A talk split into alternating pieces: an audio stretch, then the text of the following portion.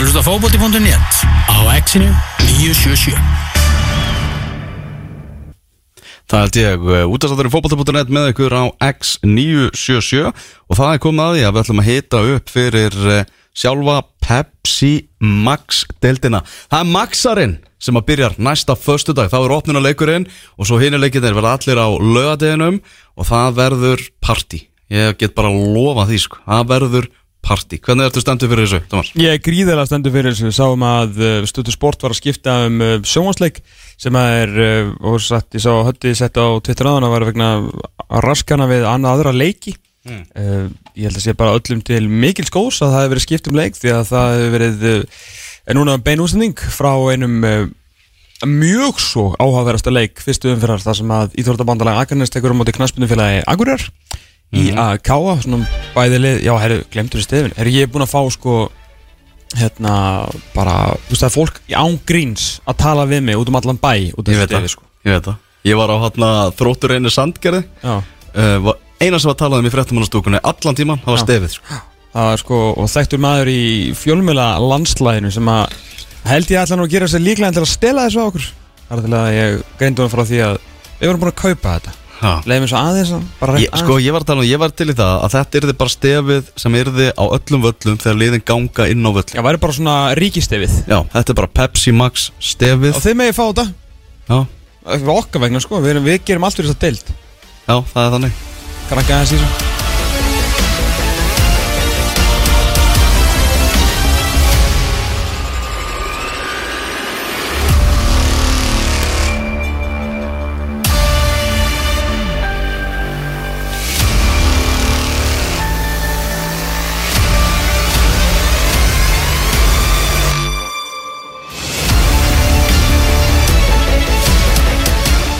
Absolute scenes. Þvílíkt stef maður. Því líkt stef. Þú veist, ég er samt alveg sammála. Þetta er bara lægi sem á að vera inngöngumassin Þetta á bara að vera Pepsi inngöngumassin Já. Skilu, það komast allir í feeling við þetta og þú veist bara að þú situr með borgar í annari eða kjötsúpi hérna í, eh, í kópóinum eða þú ert með vangi hér eða eitthvað og svo bara heyru þetta lag þú veist það er ekki að fara að gerast. Já, Það er leikur í Pepsi Max deildin að fara að byrja svo. mm. Ef það fundur í íslensku toppfótbolta núna í komandi viku Mm. þá á þetta að vera fyrsta mál á dagskrá. Ringið bara ykkur, það er aldrei að vita nema hvað við Við tökum ekkert mikið fyrir þetta Nei, alls ekki. Alls ekkert, alls ekki. Alls ekki. Her, Já, það er þessi leikur sem varst að tala um sem er orðin sjómasleikur núna. Það er þegar Ía og Káa er að mætast. Mm Í að spáð uh, heiminflugi á heiminskautunum sínum Káa sem er með já, tölvert dýrara fótballtalið og leggja mikið þýtt og þeir allar fóru á gras og greiðuvöllur allt í hennu er orðin grætt mm. það eru stór tíðindi. Það er eiginlega stærstu tíðindi sko vikunar, þessu stærri tíðindi heldur með Guðjón Pétur Lýðsson sko. Já, þeir voru til að reyna að fá bara heimaleikina sína á, akkur, á, á káa svæðið bara á, ger- á gerfigrassi og allt það. Svo fór það í vaskin og þá þurfti Sævar Pétursson að fara að kíkja á akkurraföll hvernig staðan væri á honum. Og hann var vist bara í sjokki hvað hann væri góður sko. Já, hann leit sko á fyrstu myndunum þá leitið út eins og þeir væri svona að reyna að högga eitthvað í Akurabæ skilju, sína bara, herri, við erum þetta með ónýtan völl og, og þú veist, þið bara, þið gerir ekkert fyrir okkur og þú veist, hatið íþróttir. En svo byrtist önnu mynd og svo þriða myndin og svo fjóða myndin og allt hennu núna er þetta bara orðin eins og gerðugarsvöllur hann er svo flottur sko. Með að við einhverja myndir sem maður sér úr, úr fjallaði maður veit svo sem aldrei, aldrei hvernig það verður við við Óla Stefán Flóvensson á eftir sem er náttúrulega búin að byggja upp ákveðna hugmyndafræði með sinn svona possession fótbolta og það er spurning hvort að þeir þurfa að fara að kasta því öll og glæði til að fara í já, sparka lánt eins og hvað þurft að gera á síðustu litið þegar þeir spiluðu á já, þessum hólótta og, og hæðótta uh, Akureyravelli. Mm sem er svona eiginlega bara í sikuru postnúmerunu þegar það kemur að sko, það er svona eiginlega brekk í miðunni Já, og svo eru, eru mörkin svona nýri í öldudal sikuru megin Við ætlum að eh, skoða aðeins spána sem að eh, hefur verið ofinbyrjuð hjá fótbolta.net eh, kláraðist í gær þannig að nú er bara spáin ready og við byrjum að sjálfsögðu á 12. sætinu þeim sem er spáð neðsta sætinu og það eru strákarnir í, í HK sem að eru komnir upp úr Inkasso-deildinni er að fara að spila inn í kórnum og eru búin að tala um það í ótíma bara spáni að kórin er eiginlega bara svona helsti líkilmaður HK í, í sumar Uh, það munum mörglið pyrra sig á því að þurfa að fara inn hann að spila innanúsbolta en svona er bara lífið. Þetta er, þetta er heimavöllur hákáinga og þeir munu bara hlæja því að mennur að pyrra sig á þessu. Uh, Ég sko, ég held að leysi að fara að perra sig tölvert minna því að fara að spila í, í kórnum sérstaklega fyrstum sinni í talningum að ef veðrið verður eins og það verður maður er að horfa hérna á uh, hvað höfum við gert þættina á, á, í ríkiskassanum? Og þá kemur í ljós að þú veist, hér er bara rigning alltaf að því að við erum búin að vera svo duglega að menga og við erum ekkert minna duglega að menga þannig að við eigum bara von á rigningasumrum þar til við deyjum. Og þar, þá með er nú held ég bara ágætt að vera inn í kórnum stundum. Uh, sko völlurinn er betri heldur en í eilsöllinni uh, og þetta er svona miklu meiri stadja þetta er miklu meiri knattspinnu fótboltavöllur skilur á, það er alveg, það er allt annað að spila fótboltaleik í, í kórnum heldur en í, í, hérna, í eilsöllinni sko. á, þeir eru með VIP og svona. Já, þú veist, þetta er bara, veist, þetta er, þetta er fótboltahús sko, hitt er einhvers konar hús með sætum hér og þar. Á, þannig að það er miklu auðveldara svona held ég að gýra sig inn í leik í, kórnum. Þó þetta séðan þetta innan og svo gerður sig og vera aldrei eins og vera undir, undir ljósónum eitthvað staðar í, í sko víkinu eða eitthvað. En mm. þannig að ég, ég held að það sé ég held að það sé ekki jafn mikill faktor og, og menn halda. En þeir eru þetta kunna alltaf betur á þetta heldur en aðrir. Já, þeir gera það svo sannlega það er kannski það, það skástu við þetta. En, en HK þarf að, hérna, að þeir viljast ekki dáta fyrir að taka Sko, Brynjabjörn Gunnarsson, þjálfari HK sem að var að gera nýjan samning bara framleika samningi sem bara í gær. Já, ég er mjög ánægð með þetta því að hérna, skagamenn, þú veist, nýlegaðnir eru búin að framlengja Mm. við báða fyrst þjálfarna Mhm. Jói Kalli, þú veist, vann alla fótballtaleikinu nema einn Já, Brynjabjörn vann engan en báður fengur framlengingu fyrir þú veist, þetta er svona er að gera svolítið lítið úr framlengingunni hjá Jói Kalli á. En lengdir samninga þjálfar á Íslandi eru svo mikið eitthvað svona síndarmennska og blöff því að það er uppsagnar ákveða að beggja Já, hálfu eftir hvert einasta frá fyrsta til 15. oktober þá má hann segja honum upp bara, á, þá getur hann alveg eins verið með 15 ára samning sko. Nú, ef þú ert Brynjabjörn Gunnarsson uh, Við erum að tala um FA í fyrstu umferð Við erum að tala um breyðablík í annar umferð Við erum að tala um stjörnuna í þriðju umferð. Mm. Eftir fyrstu þrjár umferðnar Hvað varir ánæður með á, á töflunni? eitt stig. Já, eitt stig úr fyrstu þreymur umferð ég meina, þú veist, það er bara raunhæft Já, nákvæmlega. Svo, En veistu, auðvitað, ef ég væri, ef, ef ég væri í alvörun að svara sem Brynjar Gunnarsson myndi örgulega segja fjögur eða eitthvað. Já, já. En, en ég get náttúrulega ekki sett mig í hugar heim hans því að þetta eru bara allt og sterk lið fyrir, fyrir háka og mér er alveg sammótið sé að fara að mæta breyðablík í einhverjum, einhverjum svokallum darbíslag sem að ég á nú eftir að sjá að það sé einhver hiti á milli þessara félaga sem eru bara farin að skiptast á leikmannum og svona. Þannig að ég ég á ekki, ekki vonu miklu fyrir hönd uh, hákaðanga til, að- til að byrja með. Þetta har bara verið sko, slakasta lið á, á undirbúinustímbilinu, ekki litið vel út. Mistið sinn besta mann í, í, í meðsli mm. óreindi gæjar, strákar sem að, sem að hafa ekkert sannað í, í efstu deild, strákar sem að eiga fullt að leikjum áttur, þú veist, miðjanur og þú veist eins og við talaðum raust reynslu mikil í, í pepsdeildinni en hvort að uh, gæri svo áskibörkur og, og Artur Ari sé að fara að mæta þarna og leiða þetta lið einhvern ég, á bara eftir að, eftir að sjá að gerast og það hefur ekki verið að gerast enn sem komið er þeir skora rosa lítið að mörgum mm og ég veit ekki hvort og, og svona hafi heyrt af þessu en að, hérna, þú þarft að skora til að vinna fótbollaleiki þeir rétt náðu rúmlega marki í leikin er að fá á sig um þrjú að meðaltali í hverju leik með óreynda markur sem hefur aldrei gefist vel við veitum efnilegu stráku eða svona er góð strákur sko Arnar Freyr Og hörku íþróttamæður hörku íþróttumæður en ég meina þú veist Egilur Tómasson er bæði veist, betri markur og meiri íþróttumæður þegar hann kom upp og, og hann var reynast að hörmung á sínu fyrsta tímabili efstu del sko. Skilur við, ég hef alveg séð efnilega og góða inkassomarkur koma upp og gjörsanlega bara hlaupa á steipubíl þegar komum í um Pepsi-dildina sko. Já. þannig að ég, ég hef áhyggjur af, af bara ég bara varnaleiknum í heldina og markurslunni sko mm. Tíundasæti á HK er þið afreg Já, Brynjar Það er Byrni bara uh, eins og, eins og bara heimi Guðjóns endi, endi þriðja, það er bara þjálfræðilega dagreik sko. Já, nákvæmlega eða Pétur Pétur sem vinn ekki titil með valsliði mm Í 11. sæti Spáni, Víkingur Reykjavík uh, Þú varst nú að sjá þína menn Víkingarna hvað í gær á móti Káa í æfingarleik Ég heldur betur, kíkti á það í, í rigningunni uh, í, í, í víkinni. Það var samt sálsögðu var lokn og gott veður en það var bara svona smá, svolítið blöytt út af mengunni sem ég var að tala um á hann þetta er náttúrulega allt Elin Hirst að kenna.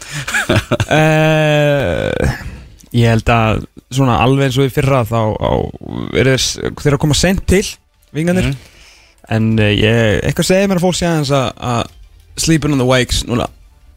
Undir, eh, svona, undir, að- ég, þeir eru ekki alveg að bliðlegir og, og fólk heldur sko. Uh, það sem að þeir hafa náttúrulega er uh, eitt besti leikmaður deildarinnar í Sölvöki Róttisen en hversu marga leiki hann spilar veit ég ekki en þegar að hann er inn á þá er þetta bara allt annað fótboltalið sko. ah. hann er ekkert eðlilega góður sko. Mhm. uh, og, líka, og líka bara smitandi já, hann, sko, hann smitar Haldur hérna smára Já. af, mjög af gæðum Mhm. uh, Gunnum fann á með hann með gær og, og gaf mark uh, og hérna, hann næði ekki alveg að smita hann jafn mikið af gæðum en það sem er náttúrulega komið fyrir þess að varnalínu sko, Davíð Örn Allarsson Mhm. er leikmaður sem að ég ætla að hlaða á pressu fyrir þetta tímbil hann var 25 ára gamall og að mínum að þið hann, hann getur spilað fyrir öll liðin í deildinni og þau myndu bara styrkjast eða vera jafngóð hann bara, veist, vann fyrir þessari pressu með því að vera besti leikmaður Víkings í, í fyrra. Og hann er bara, hann er bara eitt besti hæri bakurinn í deildinni. Mhm. Þú veist, hver, er, hver er bara svona betri bara hver er punkt og basta betri? Birki Már. Klárt, Já, Jonathan Hendricks. Mhm. Já, þú veist þó ég heldur endur að Davíð sé betri varnalega heldur en Jonathan Hendricks en Jonathan Hendricks er frábár fram á við og Davíð Davíð Örn líka sko. Þú með Davíð Örn, þú með besta hægri bakurinn í deildinni þú með on the day besta miðvörun í deildinni í Solveigir, þú veist, mm hann er, er heill en ég meina þú veist, þetta er náttúrulega gæði sem meðist í svefni. Uh, Haldur Smári síðan er náttúrulega er kongurinn komin aftur? Utility man Dofri Snorras, Já hann var ekkert með í fyrra hann var meittur, mhm. hann er að leysa er bakur núna það er faktor sem að svona fólk er ekki alveg að pæla í sko. Er með reyndan markvörð og varnalínan þegar allir eru heilir er Davíð, Sölvi, Haldur Smári og Dofri Snorras Mhm. þannig að veist, þetta er ekki ég held að varnalíkur er verið sterkari uh, þegar að vera að fara á lítið á mörgum svona uh, undanförnum í síðustu leikjum fengið að segja eitt mark í gær uh, móti, móti Káa og hvað gerir eitthvað 0 jættu blípi vaff á dögunum og svona og hafa verið að nána okkur um úslitum sérstaklega gegn liðunum núna í kringu sig í æfingarleikjum bæði úti og hér heima. Um, þeir eru rosalega spenntir fyrir hérna nýja Ginni Abbi Sámannum sem eru láni frá Sogdal. Og kemur ekki óvart að hann er bara fengið varalega á miður tímbili þannig að þú veist, mörkin eru klárt spurningamerki, uh, svona, svona framávið og ég held að það getur verið að skora en ég held að vingum mun ekki fá þessi jafn mörg og, og menn halda og ég held að, já, ég held að vingum þessi, já, mér finnst þið betri en ég sjálf, þú veist, ég var alveg jafn neikvæður fyrir þeim og allir aðrir, sko. Og þetta náttúrulega menn eru búin að vera svolítið svona blindaðir og, og litaðir af þessum ævintýrulegu úslitum sko í fyrstu leikjum Arnars. Það er að koma tölvöld betri bragur á þetta og, og sérstaklega varnarleikur held ég að vera sterkur í sumar. Af hverju voru það að sækja Erlenda Markmann með Þórðingar bara hann kostaði lítið og vantaði bara varmamann sko. Já, ok. Heyrðu þarna rétt eins og með HK bæði liðin sem að uh, við erum að spá uh, á fótbolta.net niður úr þessari deild er að byrja á rosalega erfiðu prógrami. Valur, FH, Breiðablik Stjarnan, það eru fyrstu fjóri leikir Víkings. Já, halda áfram. Það verður bara verra. Já, svo er IPVAF Úti, úti. Halda áfram Já, ég er bara með fyrstu fimm hérna fyrir frá mig Já, næsti semst, það, hvað segir þetta aftur? Valur, IBF, Stjarnan Nei, Valur, Valur, FH, Breiðablik Stjarnan. Já, Valur, FH, Breiðabrik, Stjarnan, IBF úti og svo Káar Já, Þetta er sturla program til að byrja með og vikingar verða ekki með mörg stig held ég. Ég held að það sé bara mjög óæðilegt að ætlast til þess en þeir fá svona skilur þeir geta verið þá svona að spila sig í gang einhvern veginn á móti liðunum þar sem er ekkert verið að, að búast við of miklu. Ah. Þú veist, menn verða bara að- En, en þetta er verkefni fyrir þjálfaran Þú veist að bara búa menn undir það Eða bara svona búa svo undir það hvernig þú ætlar að díla við leikmenn Þegar þeir sjá að þeir eru bara að drullu upp á bak á töflunni sko. einmitt, einmitt. Og ég meina þú veist en aftur á móti geta þú veist einhver úrslit jafntefli hér eitt sigur kannski þar Já. gert anski, þú veist helviti mikið fyrir þetta lið til að byrja með. En auðvitað má ekki vera að rekna mörg- mörgum stigum. Af því sögðu eru það að fá neðri helmingin allan í beit þess að svona liðin í kringu sig öll í röð síðan undir lok fyrru umfyrar og setni umfyrar mm þannig að en, en byrjunin er, er hörmuleg hjá vikingi sko. ég skil ekki Á papirnum á pappirnum, eða sko á pappirnum lítur þetta alveg skellul út og ég skil ekki hvernig það er að sko, koma manni inn í eh, hérna, í mótanen KSI og geta svo ekki staðið sér betur heldur en þetta sko ah. Arna Gunnlaugsson hefur náttúrulega sínar hugmyndir um, um fótbolta Hann vil spila svona fagurfræðilegan fótbolta mm. Er vikingur að fara að ná því í, í sumar með þennan mannskap? Þeir reyna að halda boltanum þeir eru með hann og þeir náttúrulega reyna að setja, svolítið pressu.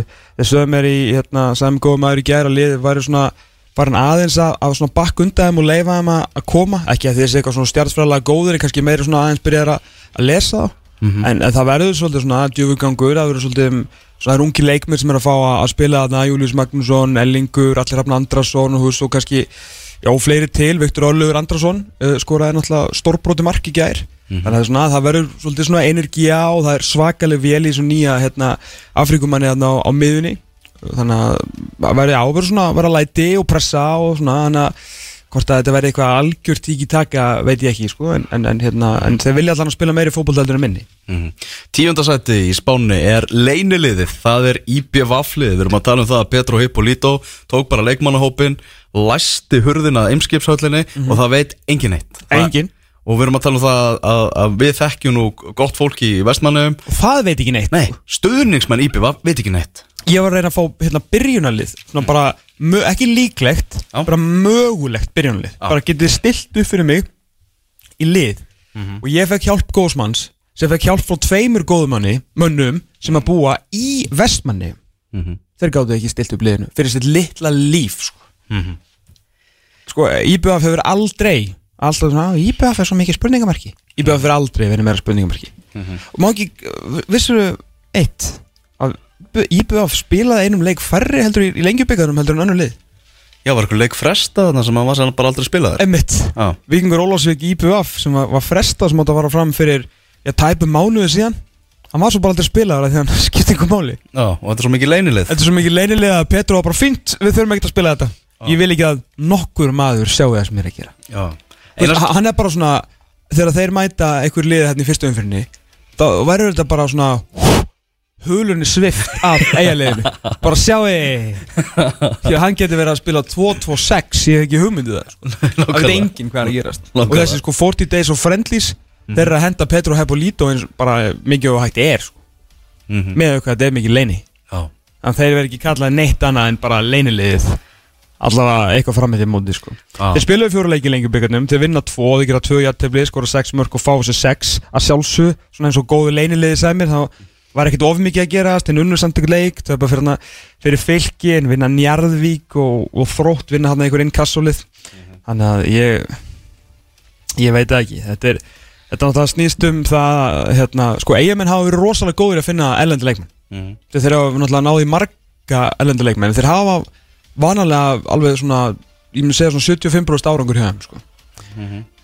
núna eru þú veist komnir ykkur svona Petro Portugalar ok, þú veist hvað, hvað geta þeir, við veitum það ekki en það er samt þú veist mistirinn og það sem er farið úr þessu liði er svo ógæðislega mikið og ekki bara gæðarlega séð það sem að þeir eftir að sakna allra, allra mest er ekki bara mörkin að Gunnar Heiðar Þorvaldssonar heldur bara Gunnar Heiðar Þorvaldsson inn á fótboltavellin Mhm. Hver á að taka við svona því hlutverki? Mm. Sindri Snær getur tekið svona aðeins að því því að hann er svona hinn skilur leiðtóin hérna inn á. Já, andlit liðsins. Já, algjörlega, þú veist, hann er svona, hann er karakter sem þú vilt að fronti liðið þitt. Já. en hann fengið svo mikið backup frá Gunnari Heiðari sem hefur verið svo drífandi líka og náttúrulega verið að líka skora. Þannig að eh, þú veist, gæðin sem er að að koma inn í þetta eru náttúrulega bara, þú veist er náttúrulega er að fá Felix heim sem er gott svo er þetta náttúrulega ekkit nema einhverjir elendi leikmenn sem að veit uh, ekki um, Jonathan Glenn sem að ekki, ekki mest að marka vilni í, í bransanum og veist, þetta er bara svona menn, hvað köllum við samt að bregða til begge vona með IBF þú veist, þeir eru aldrei að fara ná okkur 7. og 7. sæti aftur Nei. þeir eru bara ekki með gæðin ja. þeir eru ekki með Kæli og þeir eru ekki með Gunnar Heiðar þeir eru ekki með David Atkinson uh, veist, uh, hérna, þeir eru ekki með Alla Arnarsson veist, þeir eru ekki með Shahab sem að getur unni leiki upp á sitt einstami þeir eru ekki með þessi leikmenn sko. þannig að það er ekki, það er ekki svona 7. og 7. sæti ströymur skilur er 8. sæti, er það í bestafalli fyrir IBF, 7. sæti, er það í bestafalli og allt sem heldur hvað er í bestafalli fyrir IBF, Vestafall, við vitum bestafall það er bara 12. sæti og allt fyrir, allt fyrir skrúun og þeir fara niður Mhm. og mikill missir, nýr þjálfari og mikla breytingar maður er að heyrta sér minni stemningi kringum eigalið Miklu og bara erfitt að fá fólk af liðinu og félaginu sem hefur einhvern veginn aldrei verið Mhm. uh, þannig að við vitum að 12. sæti er bara skrúan það er verstafalli, en ég hef ekki hugmynd um hvað er bestafalli er mm. að þið myndum segja með HK ef við tökum þetta á öll liðin verstafalli 12, bestafalli 10 verður aldrei ofar en 10 í HK Víkingur verstafalli 12, bestafalli 8 mm. ekki, er ekki fair? Jú, algjörlega. með að það er alveg svona eitthvað gæði í þessu lið. Bestafalli fyrir IBF Ekki hugmynd. Nei. Ekki hugmynd. Það er bara þannig. Þeim er alltaf spáð eh, tíunda sætinu. Förum yfir í það níunda sem er uh, Grindavík Okkar maður Túfa, hann er búin að fylgjast vel með uh, ótímabæru spánni Já, ég er ánægð með það. Við erum eins og bylgjan, það er allir að hlusta. Alltaf. Þannig að hann segir hérna í kommenti með að hvernig okkur var spáð í vetur þá er þetta hærra en áður sem er jákvætt.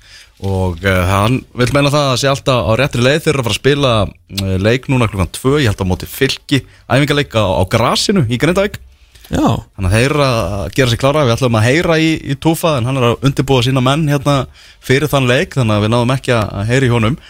En þetta, þetta er á sameigilegt náttúrulega með IPVAF að það verðist vera mjög lítil stemming í kringum liðið frá, frá bæjabúum og svona sem er leiðilegt, sérstaklega þú ert að koma úr svona litlum plásum að það sé ekki svona meiri svona samhældni sem veginn ríkir í kringum liðin.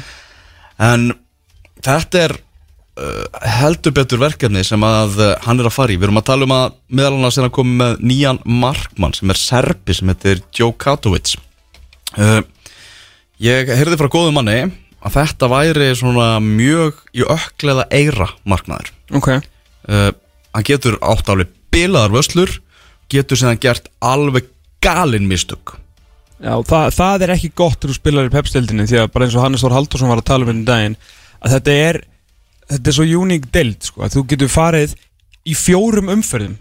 Getur farið frá því að spila á rennestettum grasvelli á ömurlegum gerfugrasvelli á hólóttan grasvöll á frábæran gerfugrasvöll í svona átján mismunandi veðrum og vindum. Í, kílu, þetta er bara fjórum umferðir. Og þú veist það getur einhvern veginn allt gerst í þessu og þá verður að vera með þú veist stöðugan gæja. Það þýðir ekkert að verja fimm sinnum frábælega á múti F og en tapa samt 2-0 og gera svo einhver æfintilega mistöki leika á múti Vikingi og tapa 1-0 sko.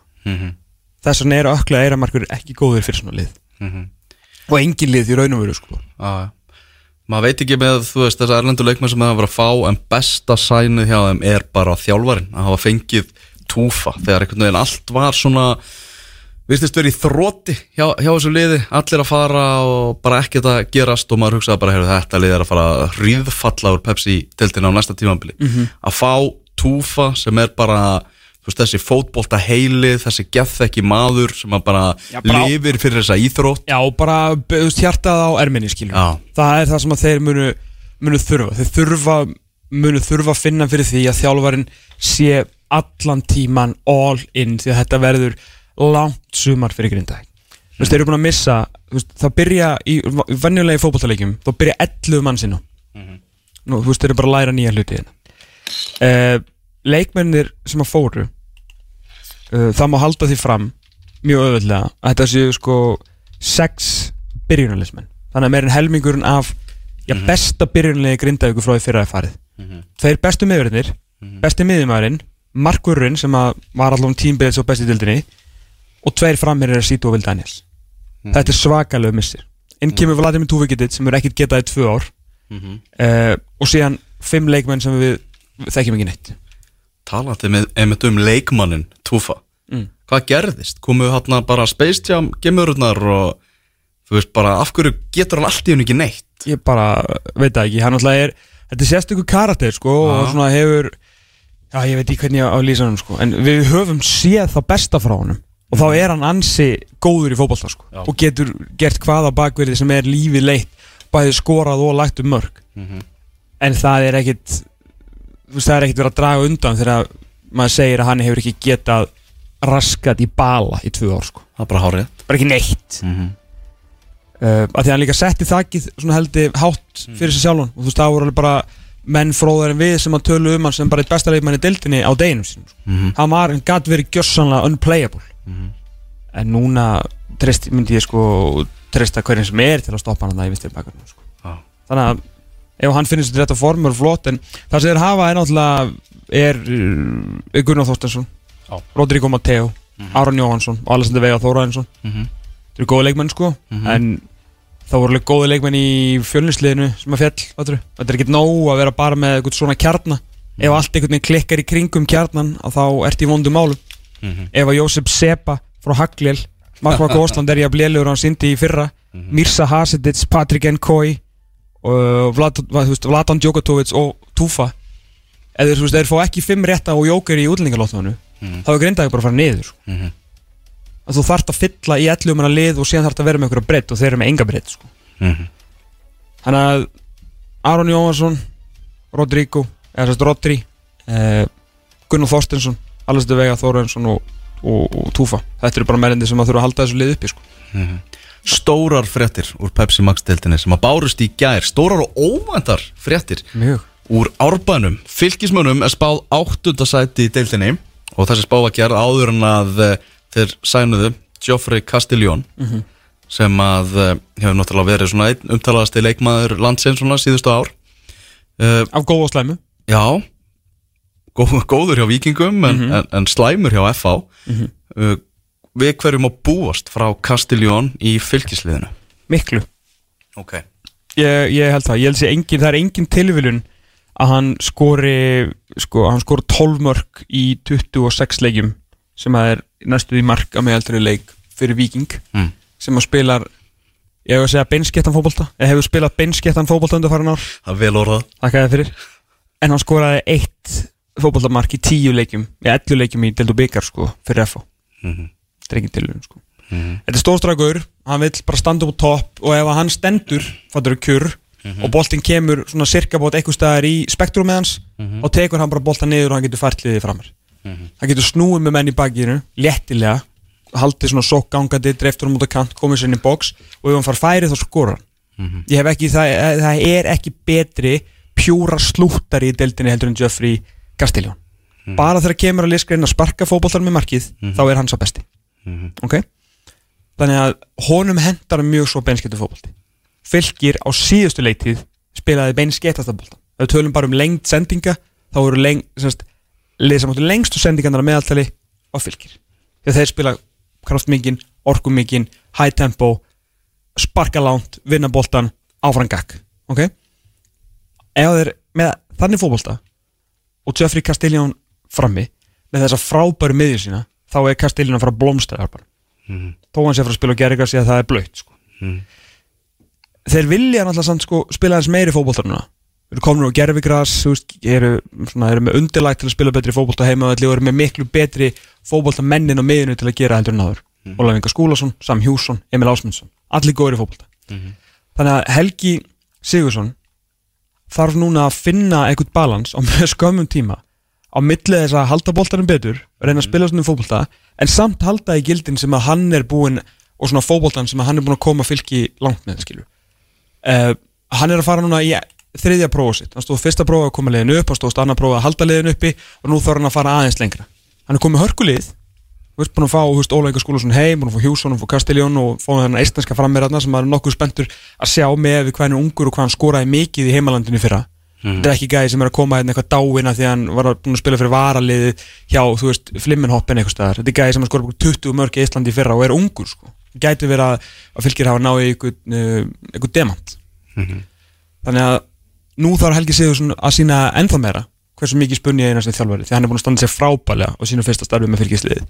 hann með þarf að koma meiri bolta í liðið en það þýðir sem ekki að fylgis ég að fara að vera eitthvað tekið takalið sko. þeir vita alveg hvað þeir geta líka og tala ekki um með Castelljón fram og ég hef, ég hef með uh, high hopes fyrir fylgi og, og Castelljón mér finnst það- það frábært sæn mm. gjössanlega frábært sko. en það er ég mikill Castelljón maður sko. Já, þegar maður er búin að hugsa sko um deildina í, í vetur þá hugsa maður veginn um svona þessi efstu sjö félög sem eru að leggja rosalega mikið í þetta og, og allt það uh, svo er það svona þessi Pepsi Max Incasso deild þarna sem er neðsti hlutin Pepsi Max Lime dildin Já, svo er það einhvern veginn svona fylgir er einhvern veginn mitt á milli. Já. bara svona eiland einhvern veginn á milli svona þessara er í að þessu top 7 Já, nei, en á hverju? uh, bara með að við und, þú veist undirbúrstímabili Ef þú segir leggja í þetta sko. Þú Já. veist ekki- þú veist ekki að tala um úrslit Uh, nei, já, þeir eru búin að leggja mikið í þetta. Það er rússa peningarnir, það er alveg verið að eyða þeim sko. Já, já, en, vinna. en í inkassoleikmenn sko sem þeir alltaf síðan að gera, be, gera, veist, gera betri. Já, já, sem er er flott módel sko og þetta er, þetta er að svinvirka svo far. Já, þannig að á, kannski í að er svona getur verið jafnvel með á eigunni hjá, hjá fylki. Já, en fylgir er samt alveg, þeir eru konungarnir á eiginu því að það veit eiginlega engin hvert þetta lið er að stefna og hversu gott það er. Ég, hérna, að Kastiljón er ekki ókipis, það er alveg klárt mál. Uh, Þeir eru að það kaupa dýr sko já, Og hver er hugsunin með, skilur þú veist Hvað á Kastiljón að, að þú veist, hvert á hann að koma Já, já frá, minnst það frábár spurninga því að hvað er í bestafalli fyrir fylki? Já, Og hver eru vombriðin fyrir fylki? Þú veist, er uh, minna, verstafalli er það tíundasæti? Nei, geta það enda svo neðalega meðli? Nei, níu, áttunda Er áttunda er það, þú veist, geta það enda neðar en áttunda? það væri bara slís ef þeir lenda niðar en þar Það ekki? Jú, Ok, þannig að þeir eru bara að horfa upp En eh, sér þú að vera nógu góða til að blanda sér í top 6? maður veit það ekki einhvern veginn með, þú veist Castellón er stór breyta sko. Castellón í stuði, smellpassar í liðið Smellpassar Já, þá erum við að tala um eitthvað þú veist, þá gæti verið eitthvað í gangi þarna sko. Já. gæti verið eitthvað, eitthvað dýnamík sko. En það sem er náttúrulega sko gallin eða gallin, það er hérna svona það sem maður hefur náttúrulega ennþá svolítið áhugir af er, er það sem er gerast aftar á, á vellinum sko. Með, með markusluna og miðverna og, og bara á varnalínuna skilur veist, það, ég held að það sé orðið miklu meira spurningum ekki þessi það sem er að gerast fram, bara frá miðju og fram er bara í toppmálum sko. Ég er búin að vera að kalla til því ég vil fá Cassin the Dream aftur í, í, í Pepsi Max. Já, og hann, hann myndi smellpassa líka í, í fylki sko. já, já það, það er svona eitthvað sæn sem ég held að þeir, þeir þyrftu klálega að gera sko að Draumin í árbæðin Þú veist, þið fá þessi 37 mörg á, á síðustu leiktíð sem er svona svona sérskapátt bara í takt við uh, svona liðin að akkurat í kringu en ef þeir ætla að fara eitthvað ofar heldur en það, við vorum að tala um að liðin sem eru í, í top 6, þú veist, IBVF sem að spila nokkuð sterkan varnarleik svona sérstaklega á köplum, þú veist, það fekk þessi 31 mark. Þú veist, þú þarft að minka markafjöldan á þig svo mikið ef þú ert fylgisliðið til að fara upp í þessa baróttu um 15-17 sætið eins og kannski þeir vilja núna með þetta fótballtalið og þá þarf varnaður, en auðvitað, þú veist, Aron verður bara eldri, þú veist, skilur, Ari, Orri þeir þurfum náttúrulega að taka líka skref fram á við. En, en ég hef svona, hefði viljað sjá og, fá eitthvað svona, eitthvað dundurkall þar líka, svona, ef þeir allir, sér virkilega fara að blanda sér eitthvað í sem að heitir efri hlutu deildarinnar.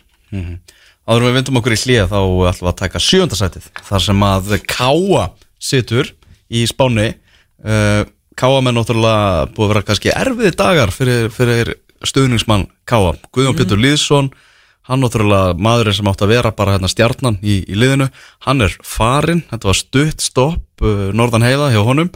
Og uh, síðan svona hugmyndin um það að færa stemminguna á þeirra svæði það, hún, er, hún er fyrir bí. Uh, þeir spila á Akureyravelli sem eru reyndar, ég held að séu, séu smá hluti af þessu líka að séu að peppa völlin svona upp, það er að reyna svona að koma aðeins smá jákvæðni, já, jákvæðu hugafæri í, í stuðnismenn, Já, en hann er ekki jafn góður og þeir segja það, bara, það getur ekki verið. Ég trúi því ekki. Það bara því miður getur ekki verið. Nei, nákvæmlega, það er búið að fara ykkur að filtera hérna í myndunum og eitthvað. Að spreyja grasi Já, en hérna rosalega, ég veit ekki hvort það hendi hérna, ég veit ekki, hendur þetta ekki bara ágæðlega fyrir káamin eða hvað? Ég, með við liðir sem að káa getur stilt upp ég sá, þú veist að fótboltumunett uh, spáin, spáir um sjöundasæti Já. sjöundasæti með þetta lið það er alveg, það er galið sko. en eins og maður er sagt, veist, það er mjög krátið þannig fyrir ofan, en að þeir séu fyrir ofan auglast, ég ætla ekki höskulda hérna, en IA er fyrir ofan KA í þessari spá. Og á það kannski svo sem alveg skilið með það sem er að gerast á, á undirbúinistímbilinu en við horfum bara inn í þú veist 22 leiki, brettina og alla breytina sem að koma inn í, inn í Pepsi Max-deildina að KA með þetta fótboltalið og mannskapin sem það hefur og, og þennan heimavöld og allt sem er í kringum þetta KA-lið sem spá fyrir neðan nýliða ía sem eru með gæjar sem annarkvort hafa sko fallið ef ekki einu sinni þá tvisvar úr Pepsi-deildinni og eru búin að bæta við sig gæjar sem hafa verið stjórnur í einn kassadeildinni það er, þú veist, ef ég væri káamaður Já, þá væri ég svona, já, ok, kannski fínt að leta aðeins pressunamannum mm þetta er bara disrespect sko. Þetta er bara óvirðing ok. við það sem að við erum búin að vera að gera og það sem við erum búin að vera að setja í þetta lið. Mm. og eflustir er bara eins og ég segi, sáttum með þetta. Við settum náttúrulega Agurir á hliðina í fyrra með að spáðum öðru seti og áttum örgulega bara einhver stærstu ástæðan vorum örgulega stærstu ástæðan fyrir því að þeir fengu bara 28 steg og voru algjör vonbreiðana Við tökum það okkur. Við tökum það okkur. En það hefur bara engin trú á þessu lið. Sama hvað þú gerir. Þú veist, ef ég er Sæfa Pétursson ég væri bara skall wow! Sott Svo, ef ég væri Sæfa Pétursson ég væri bara skallandi vegg það er bara ég mæti vinnun á hverjum degi ég kaupi þennan, ég kaupi þennan, ég geri þetta þú veist það er alltaf, þú veist það er allt í blóma hérna, allir vilja koma heim, ég er að fá haukæður, ég er að fá hatta ég er að fá fullta gæ, ég er að fá almar, ég er að fá andrafannar að sapna mér hérna þvílíku liði og mér er spáð sjöunda sæti þú veist, mér er geðveitt spennandi þjálfari mér er spáð sjöunda sæti, mér er spáð neðar heldur en nýliðar IA skrítið, Óli Stefán Flóvensson, þjálfari K.A. á línni, heil og sælunur Já, sælunur, hvað segir þið gott í þessum degi? nokkuð góður. Er það ekki? Ertu Jú. orðin þurr eftir hérna, regningunni gæri eða? Já, ég bara, það var nú svo sem ekki tvo slæmt. Ég hef nú, ég hef nú kynst í verra, trúðu mér. Já, ég skal, ég skal trúa því Herru, ég var að hérna, klára rand um þetta, þetta sjöunda sæti sem einhverju spáði í fótboltum.net spáni, Óli Já. með, með við þennan mannskap sem þú ert með og, og með við þennan þjálfara sem þú ert er þetta ekki, er þetta ekki óviðing við, við Káa? Hörðu, ég, ég man eftir þegar ég talaði við í vetur þá, þá talaði þú um að, að nú fengi, fengi káa alvöru press á sig og okkur, okkur er þið spá á hæð skæ þannig að ég tek þetta alveg sko. Ég er alveg góður. Já, já, já. uh, en, en svona í alvöru tala þá, þá hérna erum náttúrulega ofbúslega mikið að breytingum í gangi hjá okkur og uh, auðvitað nýtt þjálfar teimi og, og mikið leikmann að velta og mín vinna verður, verður klálega að það ná stöðuleika í það sem við erum að gera. Mm leik, leikir núna síðustu kannski tvo mánu þar höfum við verið mjög óstöði við frábæran fótbolta þú veist, geggja sóknarleika sem við viljum gera. Ok. og svo höfum við dottið nýri algjör á meðanmennsku líka og kannski dottið aðeins út úr því sem við erum að smíða. Þannig að, þannig að eh, ok, okkar svona tapmark er að ver, verða stöðuglið og, og kannski eins og ég hef oft sagt gera betur en uh, liðið hefur gert kannski undir farið tvö ár og það er kannski svona stóra markmiðið okkar og, og það markmið líka býður upp á ansi marga möguleika ef, að- ef að við náum því. Já, algjörlega, náttúrulega, veist, það voru svolítið svona vombrið allan með svona stegasöfnin ef við tölum bara um svona pjúra úrslit í, í fyrra, ég meina, fari ekki í, í 30 stega markið og svona, eru þið með eitthvað þú veist, eru þið með eitthvað útgefin markmið nú þegar, þú veist, þegar kemur að gera eitthvað, eitthvað annað en bara að gera betur Já, sko, að gera betur er í rauninni, þá ertu strax komin í þessa tölu í Algjörlega, algjörlega. Þannig að, þannig að hérna, eins og við segjum út á öllum breytingum og allt sem við erum að gera og þá, þá held ég að það sé mjög svona raunhæft. En fótboll er líka bara þannig að, að, það- það þarf ekkert mikið til þess að þú veist, bæði gera betur og maður þekki það svo sem frá, frá því mínu tíma með grindaði þegar við komum upp að, að, að fljúa upp í eitthvað svona spennandi en það má heldur ekki gleyma ég heldur að, að, að deildin er heldur jafnar en, en menn menn kannski gera sig grein fyrir og, og það, það, ég meina það þarf heldur ekkit ópúslega mikið til að svo að sniður Nei, nei, alls ekki. Þannig að, þannig að stöðuleikin er algjört líkil, atriði hjá okkur í káa núna að taka þannan svona spennandi hóp sem að vera komið í hendurnar og, og ná öllu saman og, og hérna undirbúa ég, ég fór í svo óbáslega skemmtilega vinnu með káa núna í vetur þar sem að fórum í svona stefnumótun. Ok. þannig ég kom með bara svona nokkuð svona blúprint af því sem mitt starf snýst um. Og, og það er svona það sem að ég er svo óbáslega spenntur að vinna eftir Stefnumótun hver káa vil fara næstu 3-5 árum. Já, já, ok, ok.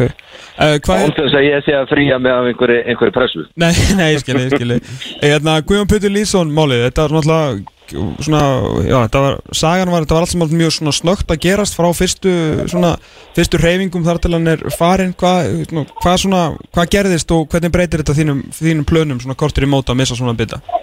Uh, augljóslega vond að missa Gauja því að hann er óbáslega hefileikaríkur eins eins og þið vitið og, og mikil gæð í mörg sem hann gerir. Og, og þetta mál hefur svona kannski sett svona pínlítið neikvæða aðtæki á okkur. Mm en engar síður er þetta mál sem að ég og, og strákarnir stjórnum ekki neitt og komum ekkert nála og minn fókus hefur líka verið svolítið í því að að, hérna, að vera lítið að, að pæla í því. Þetta er bara heimfallega ekki gjöp út af fjölskylda aðstæðum og, og, og ég af öllum skil það mjög vel að, að það verður að vera í lægi til þess að til þess að leifmaður eins og Guðjón Pétur blómstri okkur. En það var ekki í lægi, hann, hann fjekk ekki það leikskóla pláss sem að við vorum að vonast eftir að hann geti fengið og þar með, þar með bara gekk það ekki upp. Og, og við bara horfum þannig í það að við erum með leikmenn, yngri leikmenn sem hugsalega fá stærra hlutverk. Og það er að hinu góða það, það fellur inn í stefnumótum káa Já, já. E, Þú náttúrulega, vilt spila mjög svona ákveðan típu af fótbolta og við tölum með um það hérna, þegar ég heimsótt ykkur í, í vetur og þú veist að segja mér frá því að svona kannski þið letist ekki kannski beint á að fara á, á greiðuvöllinni í fyrstu umförunum þegar þú ert búin að vera að móta svona possession based bolta þú kannski nefntir ekki að fara að sparka hátt og langt út af einhverjum hólum eftir að hafa búið eitthvað til í, í sjömáni en nú er greiðuvöllurinn hérna, ég bara þér að fara, fara þanga hvernig, hvernig horfir það þér? Herru, það var, við tókum bara ákvörðin um það, þú veist, aftur mál sem að við stjórnum ekki, eða sem sagt leikmenn og þjálfari Nei. og við tökum bara því sem kemur og í staðins að vera að horfa á einhverja hólur og, og kannski ég er ekki með rennislegt glas og, og það er ekki eins og ég vil hafa þá reynum við bara, bara að horfa á það jákvæða við það. Ok, Greifavöllur hefur gefið káa gríðarlega mörg stig undan fara nár það er jákvægt og við höldum því áfram. Já. Eh, það eru sex gerfigraslið í deildinni sem að finnst neikvægt að koma inn á Greifavöll að spila fótboll það getur verið jákvægt fyrir okkur. Já, góð mútur ef við tókum bara gerfigrasliðin sem, að, sem að eru vann rennisléttu grassi þá ætti að vera góðu möguleiki átjá stigum á móti þeim heima, það er jákvægt Já, þannig förum við bara inn í þetta og reynum að gera það já. En þetta- greifa, völl, greifa völlurinn er, er heima völlur káa og það er jákvæmt En það er að breyta ykkur, þú veist, bara í, í fótballtælu uppleiki eins og bara fyrir fyrsta le- heimaleik? Já, það er að aðlaga pínlítið svona ákveðin atrið í leiknum augljóslega og, og það er svo sem ekkert stórmál en, en hérna ég geri það gladur uh, ef það gefur okkur stig. Þannig að það er bara eitthvað sem, að, sem að við þurfum við, það er nú örgulega ekkert langt í að við förum að upp því að það hefur bara verið sól og suma síðustu tíu daga. Þannig að hann hefur tekið ofbáslega vel við sér og, þeir sem til þekkja tala um að hann sé betra standi núna en hann hefur verið síðasta ára tuga þessum tíma. Þannig að það er líka jákvægt, fullt að jákvæðum punktum. Nóa þetta að týna, sko, jákvæðan allstæðar að trjánum. Ennalega þetta ef maður horfið þannig á, á, á málinn þá er ekkert mál að gera það. Nákvæmlega. Nákvæmlega. Heyrðu þið þarna eitt uh, varandi svona markvösluna hjá okkur. Það er búið að, við hérna fyrir sunnan erum við mikið búið að, búið að ræða það að Þið ætlaði að fá okkur markmann og eitthvað. Þið eru alltaf að ítrekka það að þið treystið, treystið ykkar strákum árónunum Hvernig hérna, er Anton Ari ekkert á leiðinni norður?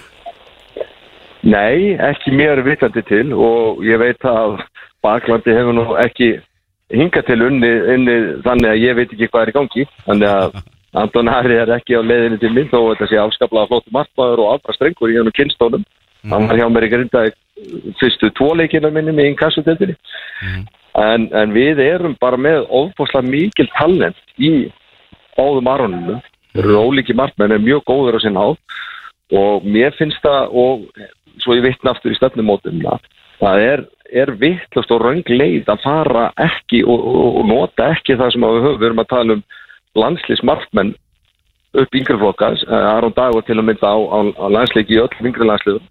Þannig að, þannig að hérna að sjálfur það er svona nokkuð við nokkuð skilda að taka á móti svona efnilegum leikmönnum og, og gefa þeim tækifæri. Og það er bara það sem að, það sem við horfum í Ertu komið með startið fyrir fyrsta leik? Hérna, ég sá Aron Dagur var í markinu gerði ekki? Jú, jú, Aron Dagur, Dagur uh, var í markinu gær en, en uh, vika getur verið langu tími og það getur mikið breyst á hvernig viku en auðvitað er ég komið með sterka vísmyndingar að því hvernig ég ætla að byrja Okay, okay. En þú ætla vantilega að hafa annað þeirra sem aðalmarkmann Þú vart ekki að fara Já. þetta í eitthvað róteringu Nei, nei, það, það, við, það verður þannig við erum uh, treystum á annan en auðvitað við erum kannski hérna það, það er svo stutt á milli þeirra að, að hérna að þú veist, þú fer á stað með eitthvað dæmi en auðvitað þar sá markmaður að, að standa sér í stikkinu Algjörlega. Er Óli bara takk hjálpa fyrir að, að, að gefa þið tíma og við sem bara gangi ykkur vel hann fyrir norðan. Gæra það ekki sávar Sjáum þessi sömur minn, heyrjumst Já, já, sæli Bye. Bye Exit 977 Tónlist fyrir gáfað fólk. Fótbolti.net á X977 Elva Geir og Tómas Dór Við erum að hita upp hérna fyrir Pepsi Max deildina. Erum að skoða spána og Við erum konur í sjötta sætið.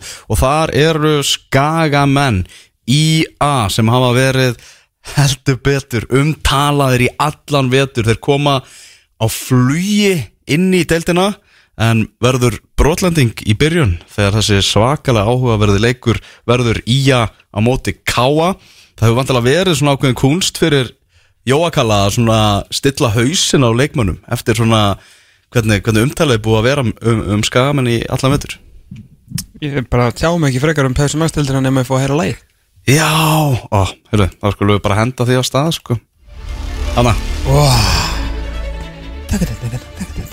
Tómas, segðu, segðu fólkinu í landinu hvað, hvað í er að fara að gera í sumar. Hanna. Uh, Sko, IA hefur auðvitað farið með heiminskautum á undirbúinustímabilinu Nú þetta er akkurat kablinn þegar allt, allt sem maður segir er töff. Hérna, þeir hafa verið alveg ótrúlega góður Og þetta er ekki þú veist, þeir eru að vinna góð lið og vera að vinna á samfærandi, tapa síðan hann fyrir, fyrir K.R. í úrstaleik lengi byggarsins en þessi sigur á K.A. var alveg ógeðislega flottur, búin að taka stjörtuna og raskilla þá og báðu sko góðir fram á við og, og tilbaka þetta er ekki eins og þeir hafa verið eh, eitthvað bara, þú veist, að skora ykkur mörg út af ykkur ræða, þeir hafa líka bara verið að halda hreinu og vinna leiki bara ansið samfærandi en málið með, með skagamenn er að þú veist, þetta eru samt veist, þeir eru eftir að sína okkur þetta í Pepsi Magstelsin og það er bara næsta spurningamerki. Ég skil vel að þessi vera veist, eitthvað svona hafa gaman að því að spá um 7-7 sæti. Þóttur þessi nýlegar þeir eru bara staðið sér það vel og undirbúin í stimbilinu. Og Jói Kalli verist algjörlega vera með þetta.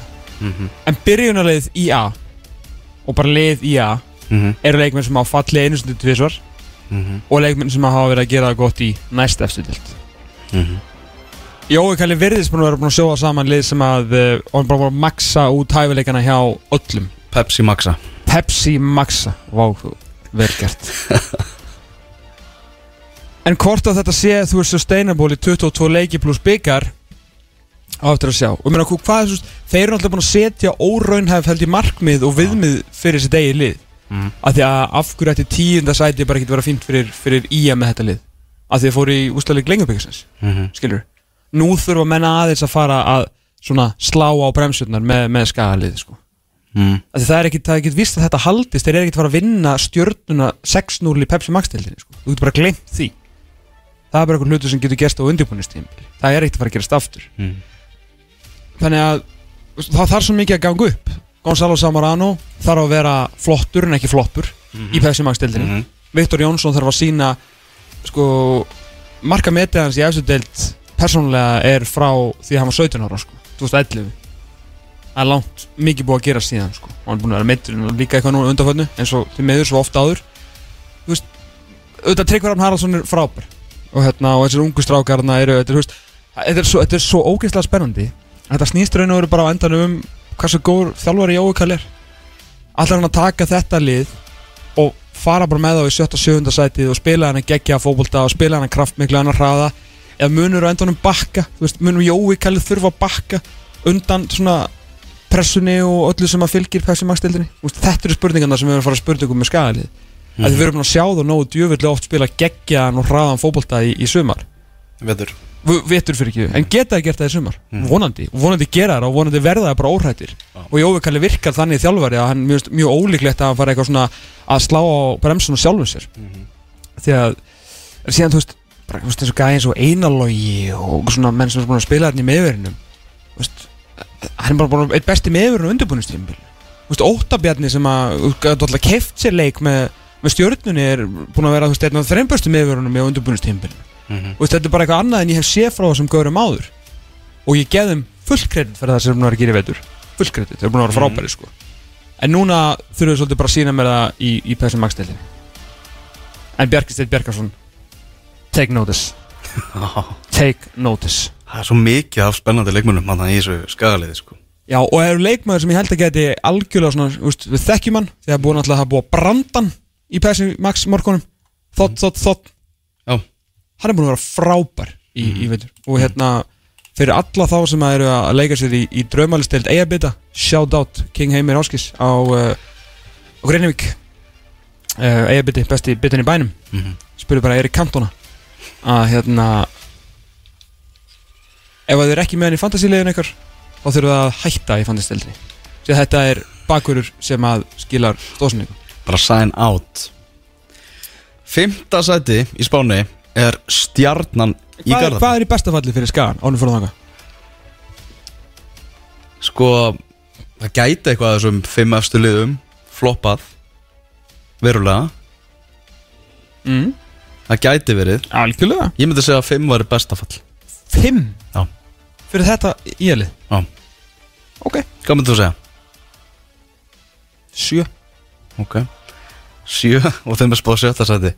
Þarna förum við í fymta sæti sem er stjarnan. LOL. LOL. Djöfull var ánægð með það. Djöfull var ánægð með það. Daniel Lagstæli töffari. Danni Lag sagði bara LOL. Það var eina sem hann hafði að segja um það að stjörnunni væri spáð fymta sæti. Meistarar, meistarar var þegar við spáðum sjötta sæti Já, Í ótjömbörðspáni Þá sagði hann lól já. Þá það. fyndið. Já, þeir eru meistara meistarana. Mm. unnu, unnu valsmenn vantarlega, já nú vissulega náttúrulega þetta rauða spjald uh, sín áhrif, uh, kannski nánar um það síðar. Uh, Merkir þetta þegar við náðu þessu það sem að Gary Martin alltaf skoraði úr sínu viti? Já, það, það er þetta alveg, alveg mjög merkilegt Stjörnulegi, þetta er náttúrulega þetta er hókið af, af reynslu. Þetta er með nóg af leiðtóum og sterkum karakterum. Nánast enga breytingar. Nánast engar breytingar. Þegar að flauta verður til leiks í, í Pepsi Max dildinni Mhm. á lög, þess að stíði hjá þeim á laugadaginn Það eru ekki, konu, veist, það eru ekki bætt við sem einnig svona sprengju, eitthvað til að tjúna þetta upp. Nei, menna, þú veist að þetta verður á sama tíma að ári þegar þeir mæta káir eftir, að, eftir sletta viku pluss einhverja klukkutíma þá verður einn nýr leikmaður liðinu Mm. og þá segir við eins og við segjum stundum þegar við erum að hitta mennina þú veist, það þarf ekkert að vera neikvætt Alls ekki neikvægt. það þarf alls ekkert að vera neikvætt og oft, oft er mönnum hrósa fyrir stöðuleika Mhm. það þarf ekki að hafa einhverja miklar ágjur af aldri því og við sáum á síðustu leikti þá eru fjögur bestu liðin, fjögur elstu liðin Mhm. þannig að aldur er oft árangur í þessari deild sko Mhm. En til að svona halda gæðum í baráttunum við liðum sem að hafa verið mitt að fá nýja leikminn og hafa verið að fá innspyttingu og setja aðra leikminn upp á tætna það sem er meiri samkeppni og menn get ekki svolítið bara gengið að sætunum sínum vísum eins og er svolítið í stjörnuleginu Mhm. það er ekkit einhver sturluð samkeppni sérstaklega um, um svona fremstu sex að Baldur var á, vissulega á bekknum að því voru svona að spila fjóru fjóra einn einn eitthvað Er þetta ekki bara, þú veist, það lið sem er auðveldast að setja saman líklegt byrjunum? 100% Já. 100% E- ekkert Og Rúnapall er bara þannig þjálfari, hann svona, hann bara treystir á sínum, sína menn og, og, og er ekkert mikið að breyta. Já, þannig að þetta er bara svona, þú veist, hvað verður með stjórnulið? Haldið það bara áfram þessum gæðum að þetta er gott lið, ég meina það verður byggamestari og það er hvað þriðasætt á síðustu leitið, vel spilandi, ágætis, þeir verjast ágætlega að skora næst, alltaf, skora alltaf nógu, nógu mikið af mörgum, sko. Mm En hvað gerist ef að, þú veist, þetta gengur ekki alveg?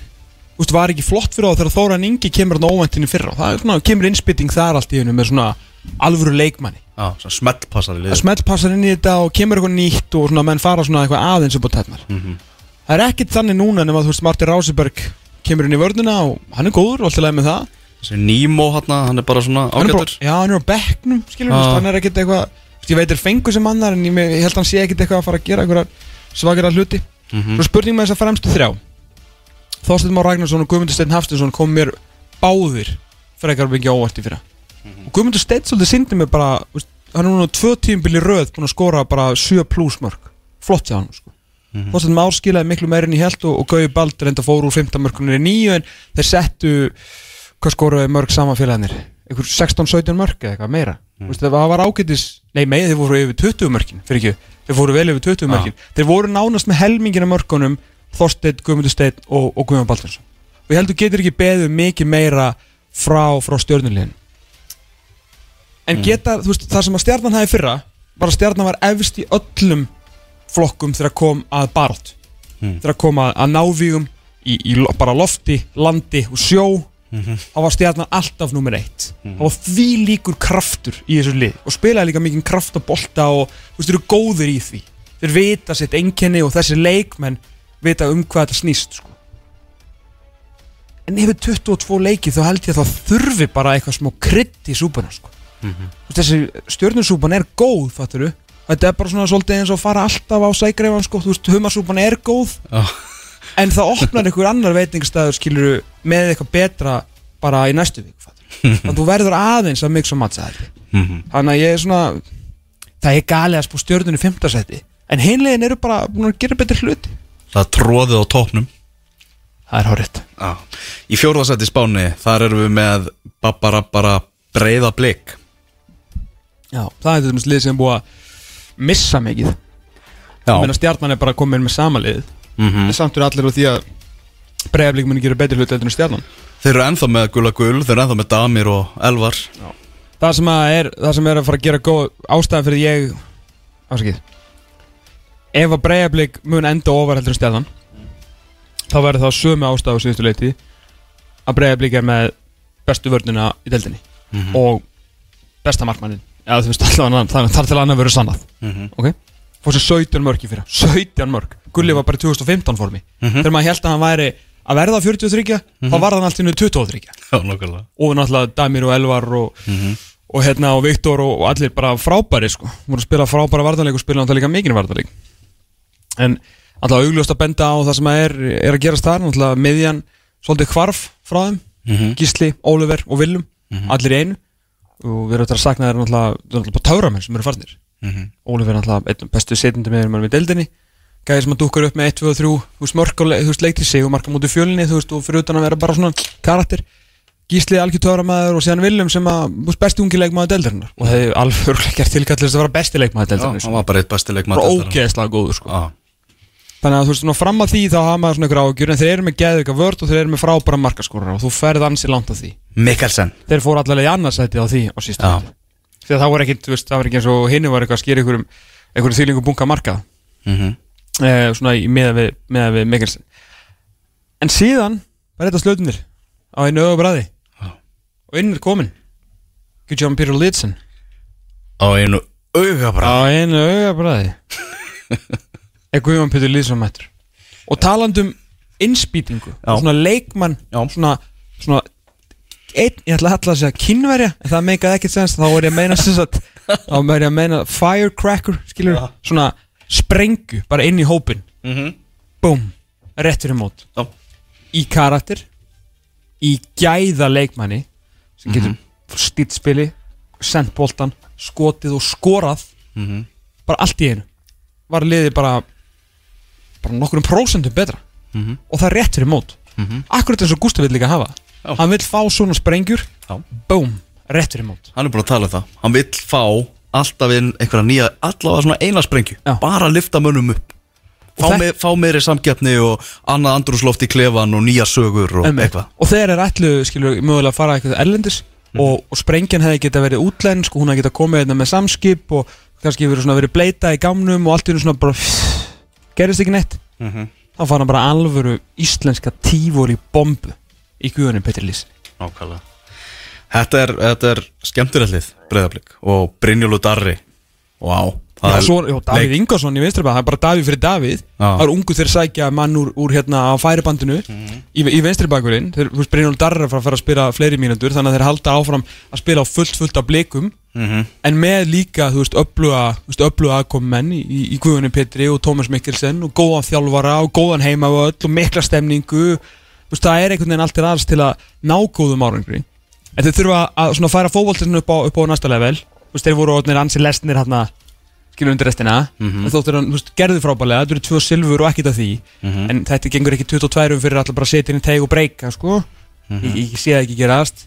Þannig að, en ég, hérna þráttur að hafa mist mikið, þá skilja liðin eru að, hérna, þess að fyrir ekki að fjölmjöla séð að spá þeim aðeins betri áringur í heldur í stjarnan sérstaklega eftir komingu auðvitað liðs og þú, það er ansi erfitt að tapa mikið af fótballaleikjum þegar þú ert með bestu vörðinu og bestu markmannindildin Mhm. Brynjólu Darri og, og, og hvað með Key Þeir eru að fara að dansa eitthvað í, í sumar? Já, þeir, þú veist, það eru svona gæðir sem eru líka að fara að, svona hýfa Pepsi Max dildina upp til skíjana þegar kemur svona skemmtanagildi Já. og einhverjum svona sögulínum utanvallar mm -hmm. þeir eru að dansa eftir hvert leik sko, ég vil fá nýjan dans eftir, að, eftir hvert seguleik. Ég vil ekki dansa eftir tablik Nei, ja, alls ekki. Alls, ekki. og ekkert vikingaklapp eftir, eftir tablik heldur sko. En þú veist, þeir eru vinnið, sína okkur einhvern nýjan dans og gerir þetta einhverjum svona fenóm Skilur, þetta er það sem að Pepsi Max dildin þarf. Einhverjum svona smá gleði sko. F.O. Vissir að Pepsi Max dildin er lélir heldur en Lichtensteinska Ha? Sangat, hérna, coefficient stegum júfa Ég hlust ekki á þetta. Ég bara svona Við erum minna, þú veist, í einhvern tvo klukkutíma að hitu fyrir einhverja deild sem er lélir heldur en Lichtensteinska deildin Þannig að ef við segjum einhverja að dansa að, þú veist, á einhverju símavídeói þá bara druttist þið til að dansa. Þið gerir bara það sem við segjum einhverja að gera. Dansið. Dansaði Brynjólfur. Þriðja sæti í spáni. Þar erum við með F.O. Inga Og uh, ég er nú að vinna með F.O. Ing Honum haflega breyðfjörn Jú, jú, er það samt efang, ég áttamaldur á því Þú veist, þetta hefur verið á uppleið Það er bara rúllustíðin hjá, hjá F.O. á þessu undirbúinustímabili mm.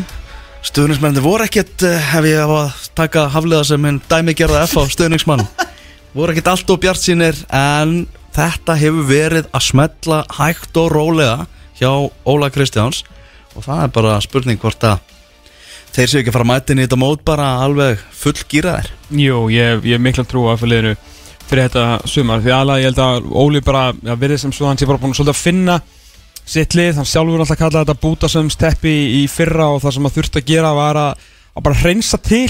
Mhm.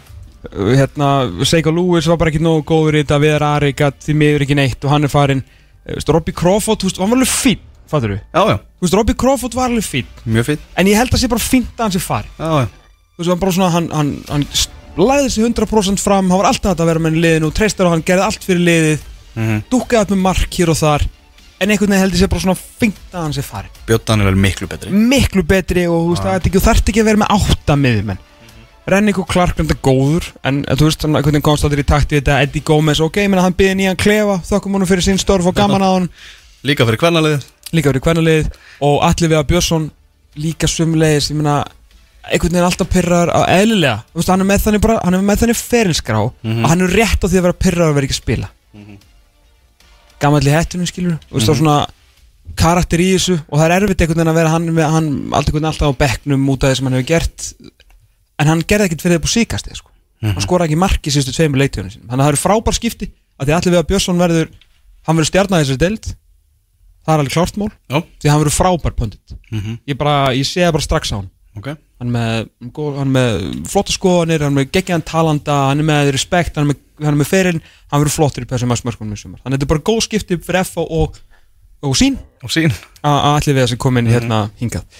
Þannig að veist, það er þessi hreinsun sem ég held að það bara verið veist, þurftu að gera náðu náttúrulega Castelljón farið líka þeir þeir ekkert fengið neitt mikið. Þeir voru náttúrulega með algjörlega bilaðan hóp á síðustu reyt og það þeir eru ennþá með rosalega sterkan hóp fá inn menn með hjarta og, og svona hjarta fyrir klúpnum og karaktera í, í hérna Brynjar Áskeri, Guðmanni og Byrni Daniel sem er náttúrulega á að vera bara besti leikmannindildinni mm -hmm. allavega einn af tveimur, þreimur skilur. Og bara fótboltin hefur verið betri þegar liðið er hérna það er svona, það er, hvað maður að segja, það er samstiltara svona meiri harmoníið, það er meiri jafnvægi í liðinu og öllu okkur því sem að, sem að því er að gera. Ég held að sem bara fínt að Óli sé undir bara drullu mikill pressu veist, hann hefur rosalega lítið einhvern veginn gert á, á undarföndum árum og, og að hann sé líka bara alveg spólgraður í að sína hann er prófessorinn sko og við sáum alveg svona glimpsis að því á síðustu leitið að sérstaklega svona undir lokið þegar hann var svona að þau erum alltaf að tala um að káliðið sé að taka lok sumars inn í veturinn Mhm. og ég held að þú veist F á einhverju leitið þegar svona grisa svolítið svona vondur hlutin að fá þá geta þeir svona komið á, á svona nokkrum krafti inn í, í Íslandsmótið Mhm. Uh, en Ég, ég held að Jónatan Ingi, ég held að hann muni springa út í sumar. Hann þarf að spila. Já, hann þarf að spila til að geta sprungið út. Já, ég er bara, ég ætla að vona að hann verði notað en að bli slappa því að það er gæi, ég er alveg- er sammálaður í því. Það er svona, það er unguleikmaður sem að, ég held að muni setja líka sko, hérna raskut í stólana í hafnafrið að það sé eitthvað svona, eitthvað svona ungt og spennandi í kringum þessa, þessa vel launuðu listamenn sem að eru annars í, í þessu liði sko. því að það, þú veist ungi leikmenn, þeir, þeir trekja á og þeir búa líka til sögu þeir eru skemmtilegir og fyrir utan hann er bara drullu kóður í fótbolt þessi strákur sko. Það er þannig sko.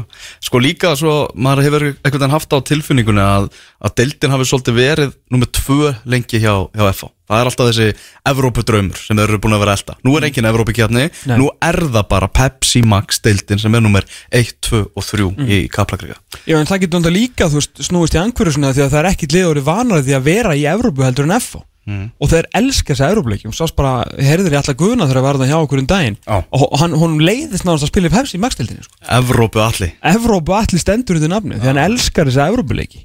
Þannig að, hérna, ég, ég ætla, en samt sem það er alveg rétti, þeir geta þú veist bara embetsir að þessu og þeir eru líka, hérna tala um við erum um daginn um þetta hérna, fyrir, hérna, spána sem eftir að byrtast á, á, á vísi, að hann, hérna talar um að, að leikmennir viti að þeir skuldi Já, og ég held að það sé, sé ágætis orð ágætis loka orði við F-fóli þeir, þeir, þeir skulda. Og ef þeir spila og þeir skemmta og þeir vinna þá kemur fólkið aftur og það getur aftur úr ást frá stúkunir og gras. Í öðru sæti í spáni KR Við erum að tala um það að eh, næsta lögataskvöld eftir viku þá erum við að tala um stjarnar KR í Garðabænum, í Flóðljósunum. Risaleikur fyrstu umferðar Káringar verið þrjusu flottir á undirbúinstímabilinu Við vorum með vetravelunin í síðasta þætti þar sem að Tobias Thompson var valinn bestur og Rúna Kristinsson var valinn besti þjálfarin Beitir Ólafsson, besti markurinn Nákvæmlega, nákvæmlega. Káringar líta vel út fyrir sumar K.R. er búið að uh, vinna nánast alla fótballtaleiki sem að það hefur uh, spilað síðan uh, já, Pepsi síðan að Pepsi deildinni lauk uh, síðasta sumar þeir eru ekki búin að tapa leika á undirbúinustíðinbílinu, þeir eru búin að vinna alla frá bósmótinu uh, til Reykjavík byggasens, til Lengi byggasens þeir eru búin að vinna alla nema þrjá og þá eru jafntefli, þeir eru ennþá eftir að tapa fótballtaleik í, í einhvers konar móti frá því að Pepsi deildinni lauk á síðastu leiti þannig er standið á káringum. Þannig að já, afsækja okkur bara að vera að spá þeim öðru sætinu. Þeir koma inn með sama hópin nema þeir náttúrulega losu eitt slagasta leikmann sem við höfum séð í þessari deild í, í Dr. Watson. Uh, og hann verður- hans verður ekki saknað. Það verður uh, Úf, það verður ekki sagt. Vissulega eru nokkur ungir leikmenn farnir að láni til, hérna, til grótu til Óskar Saps en þeir voru komnir svolítið með lið á síðustu liti sem að held ég er auðvitað bara að verða betra. Bæta síðan við uh, mögulegum gullskó í liðið ungum stráki ægjarli og síðan tveimur bestu miðjumunum vikingsliðsin sem að eiga svolítið eftir að sanna sig. uh, syndandi í þessari stóru tjörn þeir sé alveg spurningumerki en þetta kálega þurfti veist, jafn mikið sko. því að Rúnar var svo lengi að finna blönduna sína mm -hmm. Egil Smalt og Appelsínið í, í káliðinu Mhm. að, að þeir þurftu klálega að marka skora þurftu að skora fleiri mörg þeir eru komni með hann uh, og hann er alltaf greinlega ekki að fara eitthvað yngi eitthvað svakalega upp þó að kannski finnur Tómas Pálmarsson eftir að spila fleiri leiki heldur en enn kannski búast við í deildinni og síðan kemur Æjarlinn sem er 98 mótil þannig að mér sýnist sko Rúnar hefur alltaf hlustar ekki á eitthvað svona umföllun alltaf var að tala um hvað káulega verið gamalt og hann er ekki gæinn sem að fer þó og kaupi bara allt um 21 og landsliði sko. Veist, hann gerir þetta bara sínum hraða og hann verðist alveg vita nákvæmlega hvað hann er að gera. Það er drullu mikið stemning í kringum þetta káulið uh, það spilar frábæran fótbolta oft á tíðum. Mikinn og skemmtilegan sóknarleik og með hvernig þetta búið sko, káliði kemur inn á svo miklu flugi að þá eftir að vera pakkað frá fyrsta leik í vesturbænum skilur að því að káringar vilja bara þeir horfa bara á sigur vera sko. Káringar ho- fara ekki á leikin að horfa á lúsera sko. Að þeir haldi ekki einu svona í lokahóf er vinningi byggar skilur Þú veist, þetta er bara unni byggarinn oftast unni titilinn oftast oftar en allir aðrir. Og þeir standa undir nafni sko. Þeir bara þeir, þeir mæti ekki þeir ekki að vinna sko. Það sem við alveg deilum hvort að það sé alveg stuðnismenn eða ekki. En þetta er bara mentalitið í vesturbænum. Vinnið og við komum. Fyrir utan alltaf hennan kjarnar sem að kemur alltaf skiljur mig. En ef þeir vinna á þeir skemmta veist þá er ekki skemmtilega að vera held í mörgum öðrum fótbollaliðum heldur en káur ok? Þannig að ef þeir byrja deildina jafnvel og þeir hafa verið að spila núna í vetur að þá verða þeir algjört skrimsli því það verður stappað í fróttaskjólinu frá fyrsta leik eða þeir bara koma inn á þessu flugi sér vera núna. Þannig að góð byrjun er mjög mikilvæg fyrir kálið góð byrjun er gulli betri. Rétt. Heyrðu, ég er hef miklar væntingar og vonir og tilfinningu fyrir því að það verði titilbaróta spennandi titilbaróta í Maxaranum í sumar. Í sammála. En þriðja árið í röð mun Valur standa uppi sem Íslandsmeistari af að spá fótbolta.net rætist svakalegur mannskapur sem að valsmenn búa yfir. Þeir voru að keppa leikinn í mestarakjarni KSI sem að þú lístir hér á sín. Uh, keppa á móti stjórnunni uh, ég leik mér að því að búa til byrjunarlið úr þeim leikmunum sem að ekki voru í byrjunarliðinu þeim leik. Það hljóma svona. Anton Ari Einarsson í marki. Í vörninni í hjarta varnarinnar eru Eiður Aron Sigurbjörnsson sem er að glíma við eitthvað smávælu meðsli en ætti að vera klár í fyrsta leik. Já, bestu miðurinn í pösti í magstildinni mm Rasmus Kristjansen sem að uh, var verið að lána í fjölni.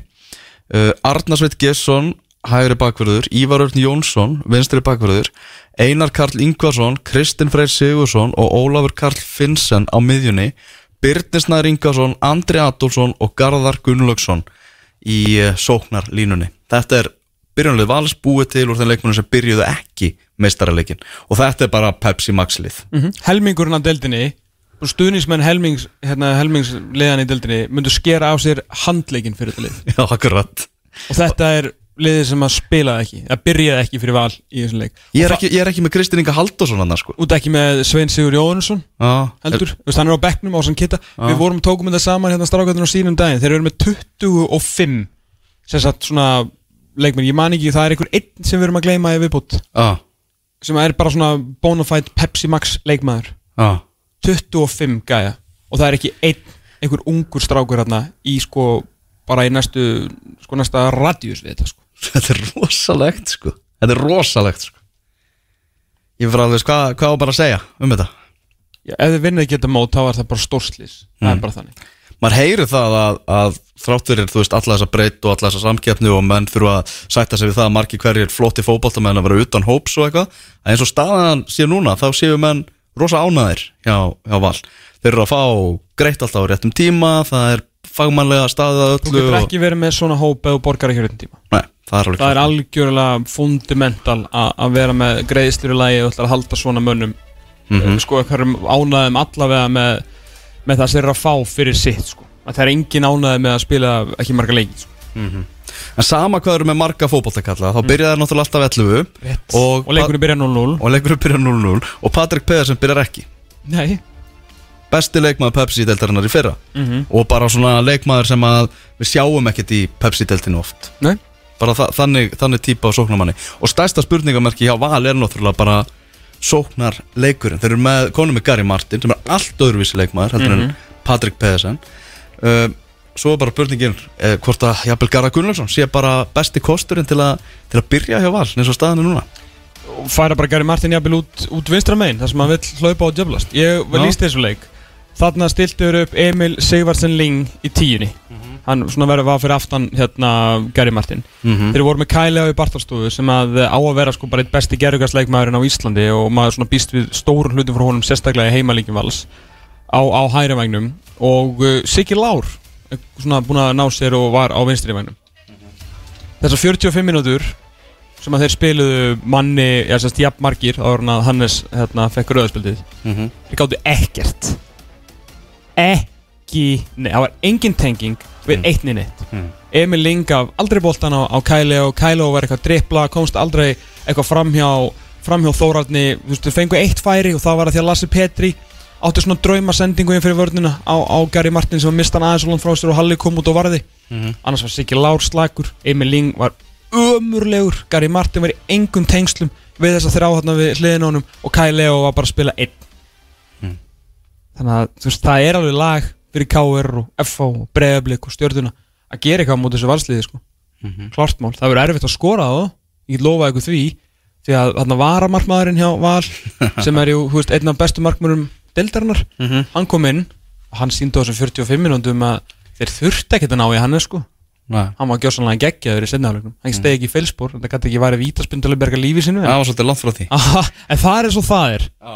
Þannig að eh, ég, svona, ég setja með smá spurningamerki við þetta, þetta valslið. En það er bara okkar sem fjölmjöla manna, það skild okkar að hlaða pressu á svona lið og spáðu ykkur öðru heldur í fyrsta sæti er bara, er bara galið. Þeir eru með tvo leikmenn í byrjunarliðinu sem eru byrjunarliðsmenn hjá íslenska landsliðinu í fótbolta sko. og fyrir þá sem að voru sofandi síðasta sumar þá voru þeir á HM akkurat. Þannig að fyrir þá sem að voru í dvala Já, það voru- bara, voru þeir á HM. bara eina megin skildum okkar að hlaða sem mestri pressu á Óla Jó og, Bjösa Ég, ég hlaka til að, sjá hvernig, hvernig kom inn. Í þetta Þetta verður, þetta verður það erfiðasta sem að uh, Óli, altså, Ég sá Óli og sagði mig í viðtali sem var hann ekki byrt þarna fyrir leik því að það fór allt í skrúna hjá okkur krökkunum á sín. Ok. Að hérna, þetta verður erfiðasti vetur sem hann hefði glint við. Og hann er alltaf líka út á meðslum hann hefði aldrei getað stilt upp sínu besta liði. Mm. þannig að þeir koma ekki jafnvel undirbúinir og þeir hefðu viljað. Og ég held að þessi, þeir gætu verið smá tíma að finna, finna taktin. En gleymu því ekki að þeir voru þú veist í sjöunda sætið eitthvað eftir fjórum fyrir fyrra. Mhm. Nei, eftir Jú, en voru konur á toppin eftir sjö eða eitthvað. Þannig að eldingaleikurinn var nú ekki lengri heldur en það. Sko, skoðum aðeins uh, fyrstum umfyrirna í uh, Pepsi Max deildinni. Valur Víkingur Reykjavík er opnunaleikurinn á föstudagskvöld á Origo vellinum. Það er X. X á það. Uh, Laugadagur 14.00 Grindavík Breiðablик Það er uh, tveir Á sama tíma á Hásteinsvelli Leiniliðið kemur undan laginu IPVF Hulunni svift Þetta er IBVF IPVF fylgir. Það er einn. Það er einn. Já. Sigur hjá Vá. Vi- uh, Klukkan fjögur í Kaplakrika FH HK Það er mest einn sem ég bara hef nokkuð með að setna Einn á. Einn, einn, einn. Einn Sjómasleikur á stöðtu sport IAK ah, Það er Tveir. erfitt að spá í Tveir. En Þú átt ekki erfiðlega með það? Nei, þetta er ekkert mál. Káa mætir og, og tekur þrjústi í fyrstu umferð Samkvæmt spá frá Tómasi Þór. Uh, Átta um kvöldið Í flóðljósum, í Garðabæ. Stórleikur umferðinnar, stjarnan Káur X. X, marka X. Marka X. Marka 2-2 X. Mér líst vel á þetta sko. Og minnum á Íslenskan tófóbolta og KFC að þið viljið fá þetta stef sem uh, ríkis inngöngumassin í Pepsi Max dildina þannig að fólk viti alltaf að það eru góður hlutur að fara að gerast Mm. þá erum við báðir á já.is Heldur betur og við veitum afslátt fram á miðugudag Ef þið borgið fyrir miðvíkudag, þetta er bara eins og fór hraðasegt Ef þið borgið fyrir miðvíkudag þá fáið þið afslátt. 25% afslátt fyrir, fyrir miðvíkudaginn Nákvæmlega. Herri, við ætlum að heyra einum góðu manni áður, áður en þessum þætti líkur Það er Pétur Viðarsson Ég heyrði honum í gær, hann er í bústað eins og margir. Við bara, bara sendum kveði og alla sem er að hlusta á okkur, á okkur í sumabústuðin Já, ekki spurning og, og það er auðvitað sko, það verður mikil og góð flustun held ég á, á svona forröldum, á smáforröldum í, í svona öppum og svona. Ég er alltaf, alltaf að henda smá sónin Já, ég er ánægð með þetta. Að hérna, því að uh, það er svo margir í útlöndum líka. Rókislega maður það held ég sé allir nema við í útlöndum en það er við náttúrulega alltaf mættir hér vaknaðir fyrir hádegi, fyrir fólki í landinu í tíu ár, Fyrir fólki í landinu. Í tíu ár eru búin að vera hér fyrir ykkur. Já, svona útvarp að vera.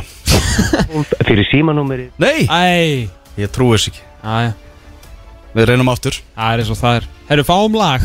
Ég, hérna, Fáum lag. Við erum búin að fara hérna yfir, yfir spána. Við klárum þáttir með Petri Viðarssoni hér Eftir augnablik Útastátturinn fótbolta.net á X977 og á línunni er Pétur nokkur Viðarsson Sæll og blessaði Pétur Já, særi stakar, hvað segir ég? Við erum ljómandi góður en þú Ég er bara rosalega góður. Það, þetta er bústað Ég er í bústaði slökun, það er ekkert símasamband, þannig að gott að eitthvað hringti þetta númer hérna hjá mér. Já, já, það heyr, heyrist mjög vel í þér Það er eins og sért bara þetta með okkur. Já, ekki. Með okkur í, Já. með okkur í anda allavega Þetta er allt annað að vera með landlínu, sko. Erum við að ringa í landlínu? Já, ég, ég held það. Þannig stilling. Það er fyrsta sinn sem ég ringi landlínu bara í mörg ár Þetta er, þetta er, þetta er sögulegt Þetta er, þetta er frábær, frábær tíðindi. Ánægður að vera fyrst í landlínu viðmælandi ykkar. Herru Petur, hérna þannig mál vexti að við ætlum að klára úrvals og áratöðaliðið okkar með þér, þú ert síðasti maðurinn inn í, inn í þau- einn af þeim 11 bestu sem við höfum séð undir farin áratug í þessari deild, kemur inn reyndar í hæri bakurinn þegar okkur vantaði fjórða varnamanni, þú voru að fyrir ekki okkur það Já, allt í góðu. Ég, hérna, takk kærlega fyrir þetta. Þetta er ánægilegt. Já, ég, hérna við svona vorum hérna, það sem ég komist að undanföldnum hérna vikum eh, svona sérstaklega talandu við samiræðin og svona sérstaklega það reyngar bæði svona off the record og líka hérna um daginn að, að þú ert í gríðala miklu metum hjá liðsfélaginum bæði fyrr og, fyrr og síðar. Og bara hvernig þú ert á æfingum og svona. Er þetta eitthvað sem þú leggur upp með að já, vera alltaf svona trilltur á æfingum og, svona einhvern veginn vera 100% gæja? Uh, já, ég, eða sem sagt, það að leggja á mig, það er klálega eitthvað sem ég geri hvort en það er á æfingum með í leikjum. Og uh, mér finnst þetta að mesta hrósið ég get fengið að það er að fá það einmitt frá liðsfélögum eða þjálfurum sem að eru með mér á hverjum degi. Já, þannig að mér finnst rosa, veist, það er það er að myndi ég segja mjög ánægilegt að heyra og, og fyrir mig er það mesta hrósið. Að þeir sé að tala vel um það því að fyrir mér er það sem skiptir máli. Já, þeir, sé- ég að spila með og þeir sem þjálfa mig. Og ef þeir meta mig svona vel að, að þá er ég nú bara nokkuð sáttið með það sem ég hef gert Einmitt að því að svona þrátt fyrir að vera alveg, veist, hlaðin titlum og vera spila rosalega lengi fyrir veist, besta lið á, á þessum, þessum áratug þá einhvern veginn svona þó, þó, svona, við svona sem erum alltaf í þessu svona við náttúrulega vitum auðvitað af þér og vita allir af þér þá einhvern veginn, þú er aldrei verið settur einhvern veginn svona upp í flokkin með þú veist, bestu miðvörðum deildarna það er einhvern veginn allir tindir til svona árin að tala um, um Pétur Já. er það eitthvað þú veist, hefur þið fundist að skríti ekki um tíðin eða er þetta eitthvað svo spáir yfir höfuð ekkert í? Ég reynir rosalega lítið að pæla eða þú veist, ég ándjóks bara að forðast eða það að pæla, um, pæla í umræði kringum Já, Þú veist, ég tel ekki hjálpa mér hann að freka sleppi ég því. Ok, og alltaf í gegnum tíðina því ég meina hver einasta tímbil það hef ég alltaf spilað hjá FH og í gegnum þennan tíma þá hefur það verið besta liðið þannig að það er nógu mikil viðkynning fyrir mig. Já, já, og, og ég hef alltaf vitað það hvar, hvaðan ég hef verið metinn. Og ég haf aldrei ágjörð því gegnum all, þetta er komin tíu ár núna. Ég hef alltaf spilað og alltaf verið vel metinn í klubnum og það hefur skipt mér máli. Á- algjörlega. um, einhver, einhver svona viðurkenninga utan er auðvitað skemmtileg. Þannig að þetta er, þetta er gaman að vera í þessu liði en, en það hefur ekki verið neitt forgangur fyrir mér. Hvort sem það er að vera í einhverju liði vikunar eða eitthvað svo liði sko. Nei. og ég hef alveg vita af einhverju umræðu það hefur heldur á hverju einasta ári hvort að ég muni byrja í liðinu ekki? Þú veist hvort það sé ekki einhver nýr komin sem að ég leiði sem að en einhvern veginn það hef ég oftast spilað og, og gengið ákveð leið gegn tíðina. Einmitt, það er einhvern veginn svona, það er alltaf þú ert alltaf þarna og svo svona nýju kallunum er svona raðið í kring við því svona, Já, það hefur svolítið verið svo leið sko. Og þú hvort að einhver, einhver sé ekki ég er ekki örgulega einhver betri að heldur en hann en Já. er alltaf að reyna, það er aldrei tala um mikið um því svo já, herru, Pétur er hérna og ég opna að Já. og spurt eitthvað svona, hvað ertu, ertu með í sumar eða? Já, það er reyndar hefur svolítið á stundu verið spurning sko. já, en hérna, nei, nei, þetta hefur gengið rosalega vel og ég er, ég meina, þetta er tíu ár komin og ég er bara rosalega ánægð með hvernig allt hefur gengið þannig að ég get ekki mikið hvort það. Nei, nákvæmlega Hvað, hérna, hvað er uppáhald tímbilið til að horfa tilbaka? Er eitthvað eitt ár sem að eh, bara mm. lifir í minningunni? Eitt sumar? Það eru nú nokkur sem eru komin rosalega góð en kannski sem standi upp úr fyrsta tímbilið 2009 Já þá kem ég náttúrulega inn í frábært lið. Um, spila hérna á Tómi Nilsen er allt tímbilið Já. Og við náttúrulega kláruðum það bara þá voru eitthvað fimmsæð sem fyrir eftir. Það gekk útrúlega vel. Var mjög skemmtilegt mót fyrir hérna nákvæmlega. 2012 fannst mér geggjað og svo 2015 Þannig að 2012 þá spila ég á miðjunum í Bjarka Gunnlaugs sem var útrúlega gaman. Svona öðruvísi staða og, og, og kannski öðruvísi tímbil og svo 2015 að ná titlinum aftur hann eftir eftir leiðin 2014 þannig að ég myndi segja að þessi þrjú hafi staðið upp úr á þessum ferli. 2012 er svona, það er svolítið sérstætt tímbila að mörgu leiti og svona, ef ég verið að gera einhverja heimildamönd um, um svona F á áratugin þá held ég myndi fókus svolítið á, á það því að það er náttúrulega, þú veist, þá er ekki búin að vinna þarna, þú veist, 2010 og, og 11 sko, náttúrulega verið þarna alltaf í, í öðru sæti. Og svo Já, já, þú, einmitt. þú á miðjunni, þú veist, Albert Brynjar komin að voru svona, konin aðeins öðru, þú veit að Bjarki sjálfsögðu, náttúrulega, svona stóra sagan kannski þetta tímbilið Einmitt. og er náttúrulega gjörsamlega sko mörkið líftúrnur sem móti sko. Sem kannski menn byggust ekkert endilega við sko. Nei, sko, við vorum bara með mjög gott lið á þessum tíma og, og ég myndi þess að segja, Albert var upp á topp, hann stóð sér mjög vel það tímbil, Guðmann var í vörninni. Um, og hann náttúrulega eins geðsugur og hann er, en stendur sér alltaf frábælega Jú, jú. Og þá náttúrulega var Davíð farin út Eh, og ég held kannski að það vantaði eitthvað smá svona smá svona mm, klikk inn á miðjuna að og einhvern til að hlaupa í kringum Bjarka og þá fór ég í það hlutverk. Um, en við vorum ótrúlega öflugið það tímbil og voru alltaf komið Guðan Átna og, og Bóa úr Keflavík. Og þeir stóðu sér frábælega þannig að í það tímbil fannst mér aðeinslegt sko. Og treyðum okkur titilin alltaf í Garabænum hann að gerum Under the Lights náttúrulega sjálfsögðu Já, akkurat, ég lagði um þetta upp á Kóngin Allar Guðnarsson um, Það var gott tímbil, góð tími Er, hvernig, hvernig verði í, í sumar? Er uh, þriðarsætti, ætla að sætti ykkur við það í svona flestum spám eða er, er komið það titlinum aftur? eða? ég, ég held að það sé engin í liðin okkar sem að sætti sig við þriðasetti Nei um, Það er klálega bæting frá því fyrra það sem endum í fimmtasetti en það, bætingin sem við viljum sjá og erum að stefna á er auðvitað fyrsta seti það, fyrir mér að þá er það bara glóruðlis að stefna á eitthvað annað. Einmitt, einmitt. Þannig að það er 100% stefnan að endi í fyrsta seti þó að spámennskan sé þriða seti hjá okkur. Jú, jú. Er hvað er að grillin í kvöld? Herri, ég held þessi kjúklingur. Kjúli? Já, mamma hendi eitthvað svakalega hérna rétt í gerkvöldi og það búið að marina þessi allan nótt þannig að það verður eitthvað visslega hérna í kvöld. Er byrjað eftir með fóreldranum í bústað? Já, það er fóreldrar og, og því miður er Davíð Þór Már þetta líka. Aðja, þetta þetta er ekki nógu góð ferð en það verður að setja sig við þetta ég segi það. Herru betur, njótið lífsins í, í bústaðnum og bara gangu vel þegar Pessimax-tildin hefst Við heyrust í sumar.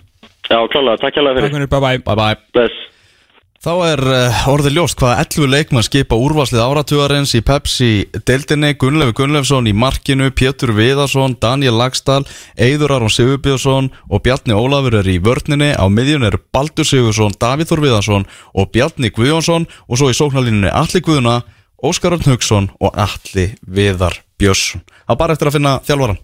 Já, ég geti, unni, ég geti bara þjálfað þetta lið Því að ég geti unnið deildina með þetta lið Sko, blindandi Það er bara einfallega þannig. Ég myndi meira þess að vinna þetta valslið þarna Léttilega Léttilega. Léttilega Ertu í vandræði með að finna leikin? Hann er pottet hjá okkur. Erum einnig með poolboard, pílu, gott á grillinu og enn betra á dælu. Sportbarinn Ölver, skemmtilegasti barinn á Íslandi.